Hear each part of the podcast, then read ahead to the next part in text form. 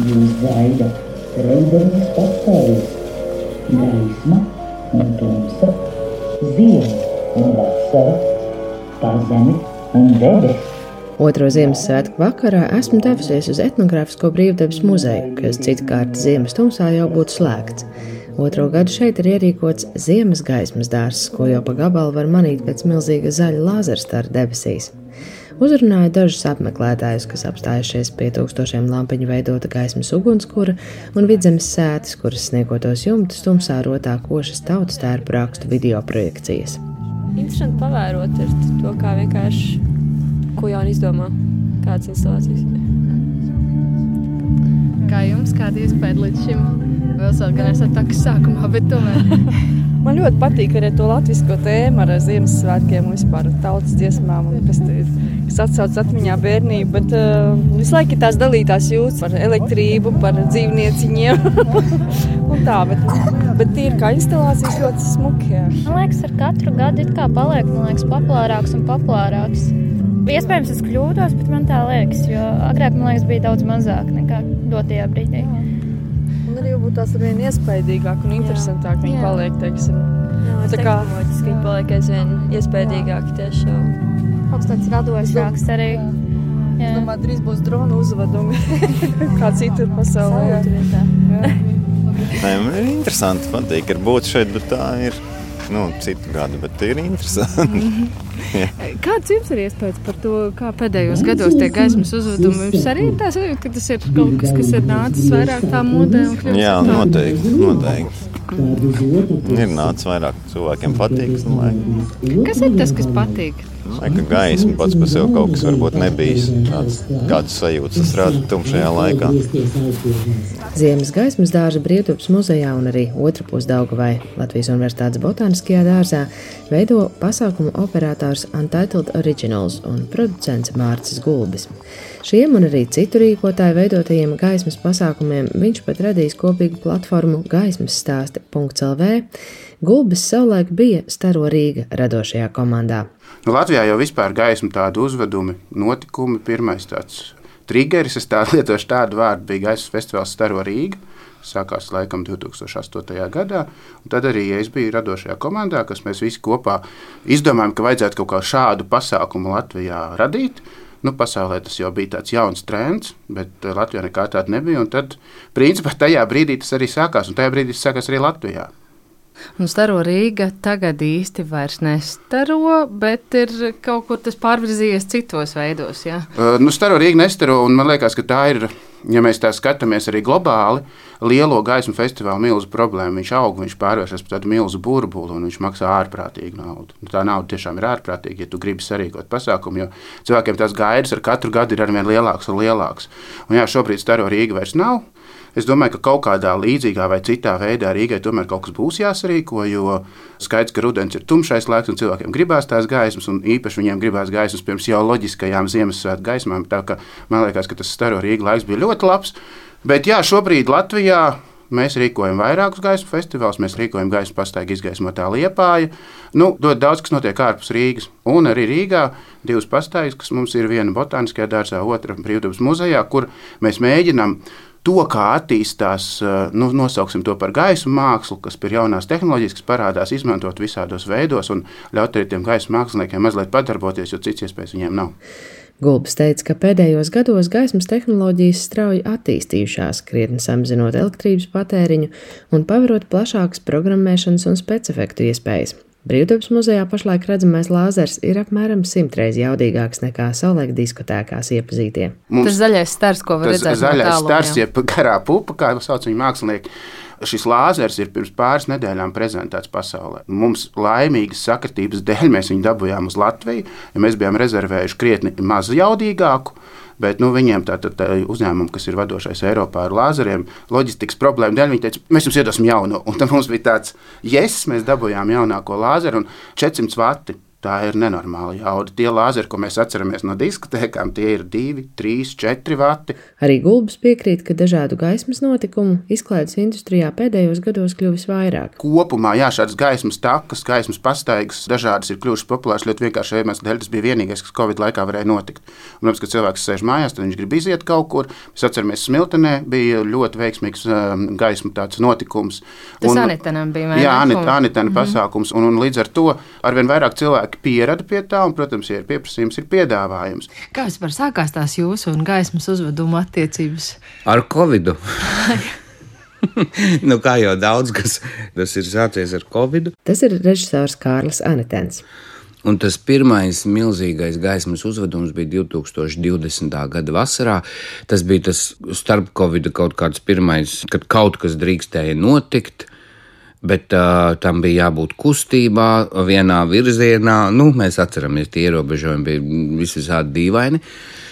Nu, un mana dzimtā pilsēta Smiltene to gadu uh, svinēja simtgadu jubileju, un skaidrs, ka kaut ko vajadzēja, kaut ko gribējās, bet uh, nu, tādā tradicionālā veidā neko nedrīkstēja darīt. Un tad es piedāvāju, nu, uztaisām gaismas uzvedumu, jo svētkus jau var nosvinēt ne tikai ar koncertu un balli.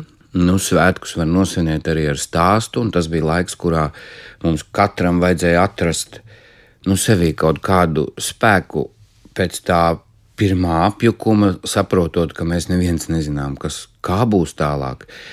Nu, kur tas spēks slēpjas?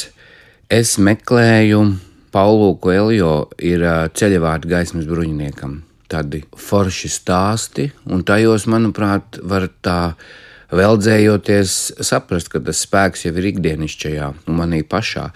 Nu, ja es sev ticēšu, tad jau pats arī iemirdzēšu.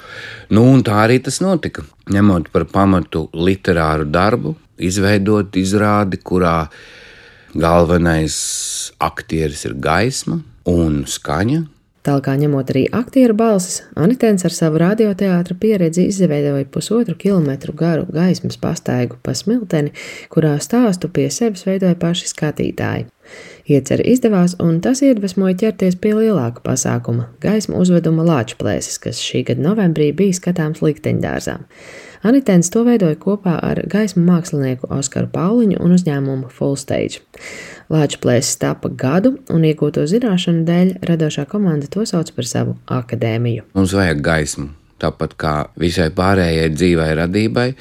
Un gaismai, dažādiem spektriem piemīt spēja emocionāli dažādi uz mums uh, iedarboties. Un gaismai ir varenums, un mūsdienu iekārtas, nu, tehnoloģijas, kas tātad nodrošina, lai kaut kas spīdētu, šobrīd ir tik tālu aizgājušas uz priekšu, ka nu, no tā klasiskā skatuves prožektora tur maz kas vairs ir palicis. Tās ir milzīgi daudzas iespējas, bet viņas ir nu, kā tādi stipri zirgi jāmāk savaldīt. Un tad skaidrs, ka gaismas uzvedumā režisora labā roka, vai pat es teiktu, ka tas ir vienlīdzīgi. Tur nevar nodalīt, kurš ir svarīgāks, ir gaismu mākslinieks. Kurš tad ir tas pavēlnieks tiem zirgiem, kurš var to izdarīt. Un, nu, tad tas iedarbojas ļoti spēcīgi emocionāli. Jo mēs varam radīt vajadzīgo noskaņu ar gaismu cilvēkā. Dažādas gaismas pašas par sevi izklaides pasākumos nav nekāds jaunums, un ar tehnoloģiju attīstību vien vairs nepārsteigs. Anitens uzskata, ka ārkārtīgi svarīgs ir saturs un kvalitāte, jo skatītāji kļūst arvien prasīgāki. Jo viens ir skaisti izgaismot fasādi, un arī tur to var izdarīt vienkārši saslēdzot simtiem gaismekļu, nu ir, bet tikpat labi mēs varam izcelt kaut kādas detaļas, ir jābūt stāstam. Un te laikam ir tā, ka mm, diezgan ilgu laiku nu, mēs tikai likām uzsvaru uz tām tehnoloģiskām iespējām, novārtā atstājot saturu. Bet gaismas stāstā ir jābūt saturam, un, manuprāt, pat vēl precīzākam. Jo tev nav baigi daudz to instrumentu, ar ko tad to stāstu izstāstīt, un ir jābūt precīzam stāstam, ko mēs gribam pateikt.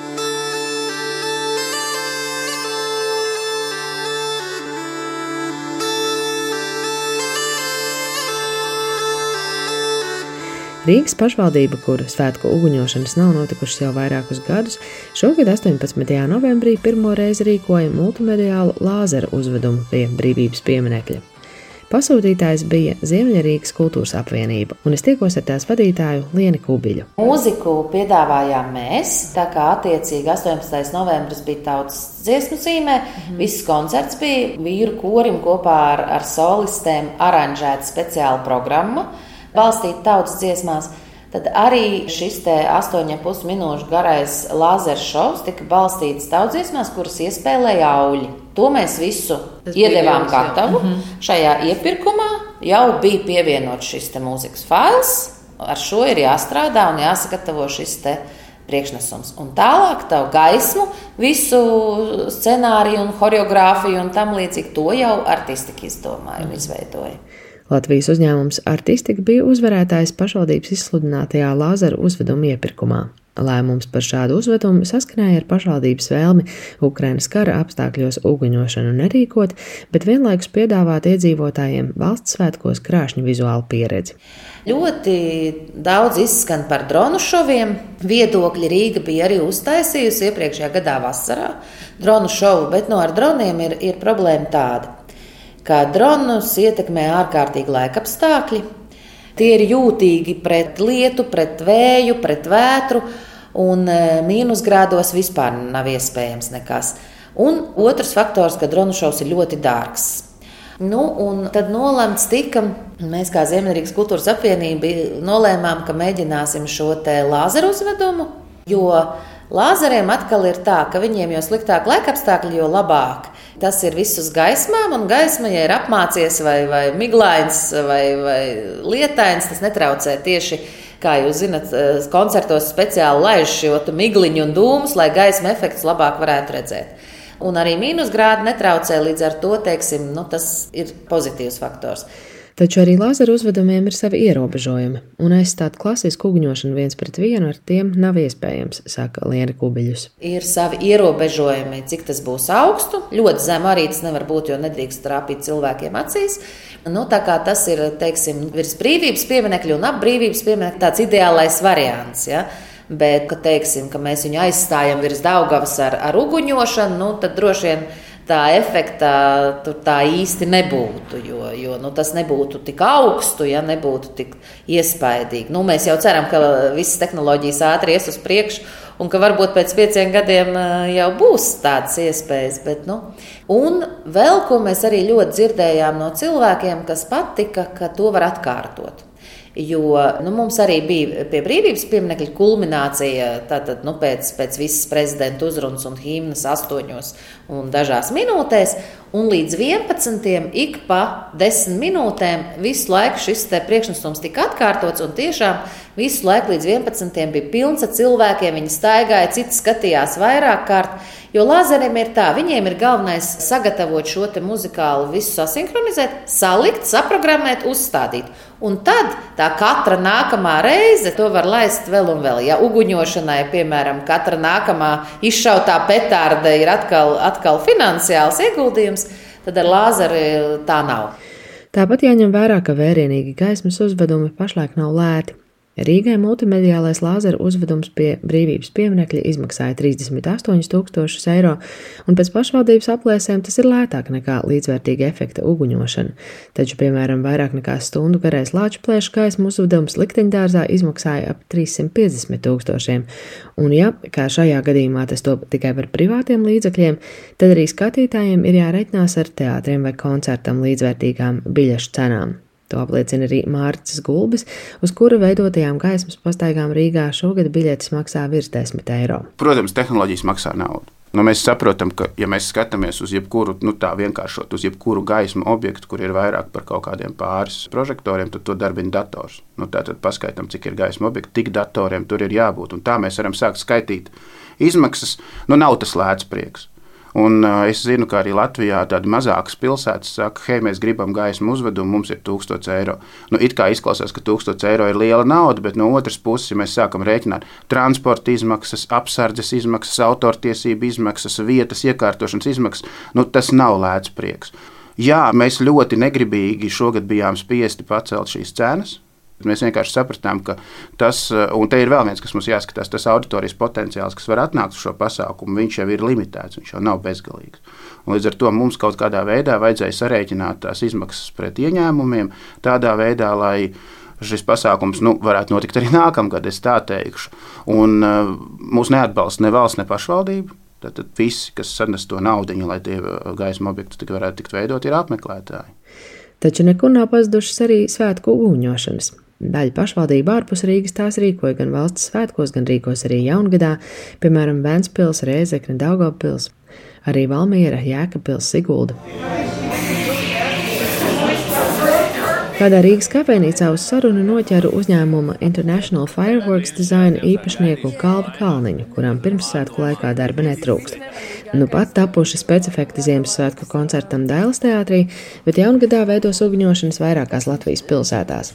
Pirms sešiem gadiem tieši Kalniņa uzņēmums radīja iespaidīgu Latvijas simtgades ugņošanas uzvedumu Daugomalā Rīgā. Uz jautājumu, kā darbu ietekmējusi Covid pandēmija un karš Ukrainā, uguņošanas meistars atbild, esam paplašinājušies. Bet uh, arī tas veids, kādā jūs strādājat, joprojām ir tas pats, vai jūs kaut ko esat mainījuši atkarībā? Nē, nē, tieši tāds pats.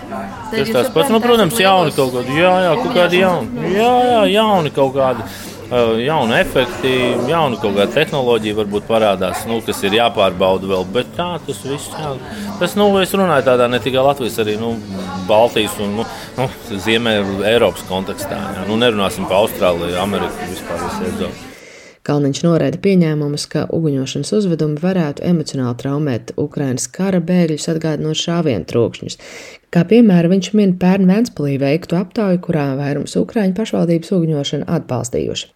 Viņa prāt stingri ir jānodala uz savu roku šautās raķetes pagalmos no profesionāls organizētas uguņošanas ar iepriekš zināmu laiku un vietu. Tās neviens neļauj ražot un lietot izstrādājumus, kas var radīt kaut kādu traumatismu cilvēkiem. Tas, ka jauc šīs divas lietas uguņošanu, plašpatēriņu pirotehniku, nu, ja profesionāli lietot un, ko pats var nopirkt veikalā, tur rodās šie jautājumi.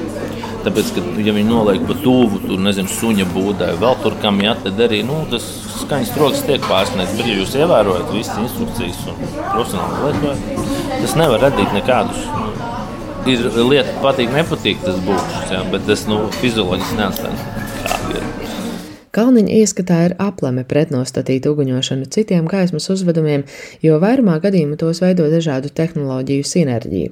Viņš pieļauj, ka ar uguņošanu nesaistītu gaismas uzvedumu šķietamais popularitātes pieaugums daļai ir arī mārketinga lieta. Nu, vairāk ir tas premārketings, jā, un tas īstais rezultāts ir bijis savādāks. Jo katrai lietai tas, nu, tas nav ne jauns, ne bēts, ne slikts, ne labs. Vienkārši šie mākslinieciskās izteiksmes līdzekļi jāmāk sakombinēt.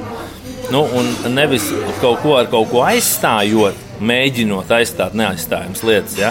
bet vienkārši viņas integrējot vienā otrā un veidojot kopēju lāzeru iekārtas un arī gaismu iekārtas. Tas ir, protams, mākslinieckās izteiksmes līdzeklis, kas ir radīts noteiktām vietām, noteiktam kontekstam. Nu, mēs par jaunākajām tendencēm, nu, tādā Ziemeļ-Eiropas uh, mērogā vispār nevaram runāt, jo vienkārši te viss noveco 30 gadus vēl. Tas, kas notiek citur pasaulē, tas viss papildinās. Viens, viens mākslinieks, kas izsaka līdzekļus, papildina otru, un tā tālāk, un tiek veidot jauni, interesanti risinājumi.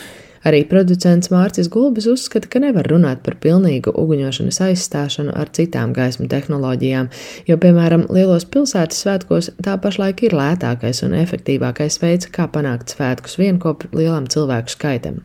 Arī viņa ieskatā veiksmes atslēga ir tehnoloģiju sinerģijā, jeb saplūsmē un atbilstošu vietu izvēlē. Es biju Lionā gaismas festivālā, mēs esam iestājušies tādā pasaules gaismas festivāla asociācijā, un bija Liona viens no vecākajiem un pirmajiem gaisa festivāliem. Bija ļoti interesanti skatīties, kā gaisa mākslinieks domā, kas ir nākamais solis, kas tad ir tas nākamais, ko mēs darām. Lāzeri ir, ko mēs varam vēl. Un tā atbilde ir, manuprāt, un tā ir atbilde arī visiem Latvijā, ja jūs gribat kaut ko radīt jaunu, tā ir tehnoloģija sinerģija.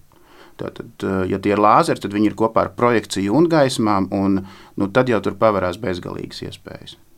Jums ir interesanti šobrīd šajā nozarē. Absolūti. Viennozīmīgi. viennozīmīgi, viennozīmīgi. Nu, es redzu, ka tā attīstība notiek, un viņa notiek ļoti interesantā virzienos. Nākot uz šo interviju, es tieši domāju par to, ka te vēl viena lieta laikam ir Ja agrāk mums bija maz, bet lieli pasākumi, tad tā tendence, un man liekas, tas ir vis, visur, jebkurā jautājumā, par ko mēs runājam, ka tas segmentējās. Mums ir daudz mazāk pasākumu. Un tas dod iespēju tiem radošajiem cilvēkiem vairāk eksperimentēt, vairāk kaut kur padarboties, vairāk skatīties, kas sanāk, kas nesanāk, un tādējādi tas viss virzās uz priekšu. Un no tā likšana uz vienas kārtas. Uh, likšana uz vienas kārtas un arī ārprātīgs risks. Kas tad būs, ja būs, ja nesanāks, jo tas ir vienreiz gadā. Un tad tev ir iespēja tagad, uh, nu, tas pats arī visi mūsu gaismu pasākumi, kas ir. Viņi dod tam gaismu māksliniekam to iespēju uzkāpt uz tā grābekļa un saprast, ka viņš ir uzkāpis. Ja mums būtu viens gaismu festivāls Rīgā, nu, viņš uzkāpt uz grābekļa un būtu pa vēlu.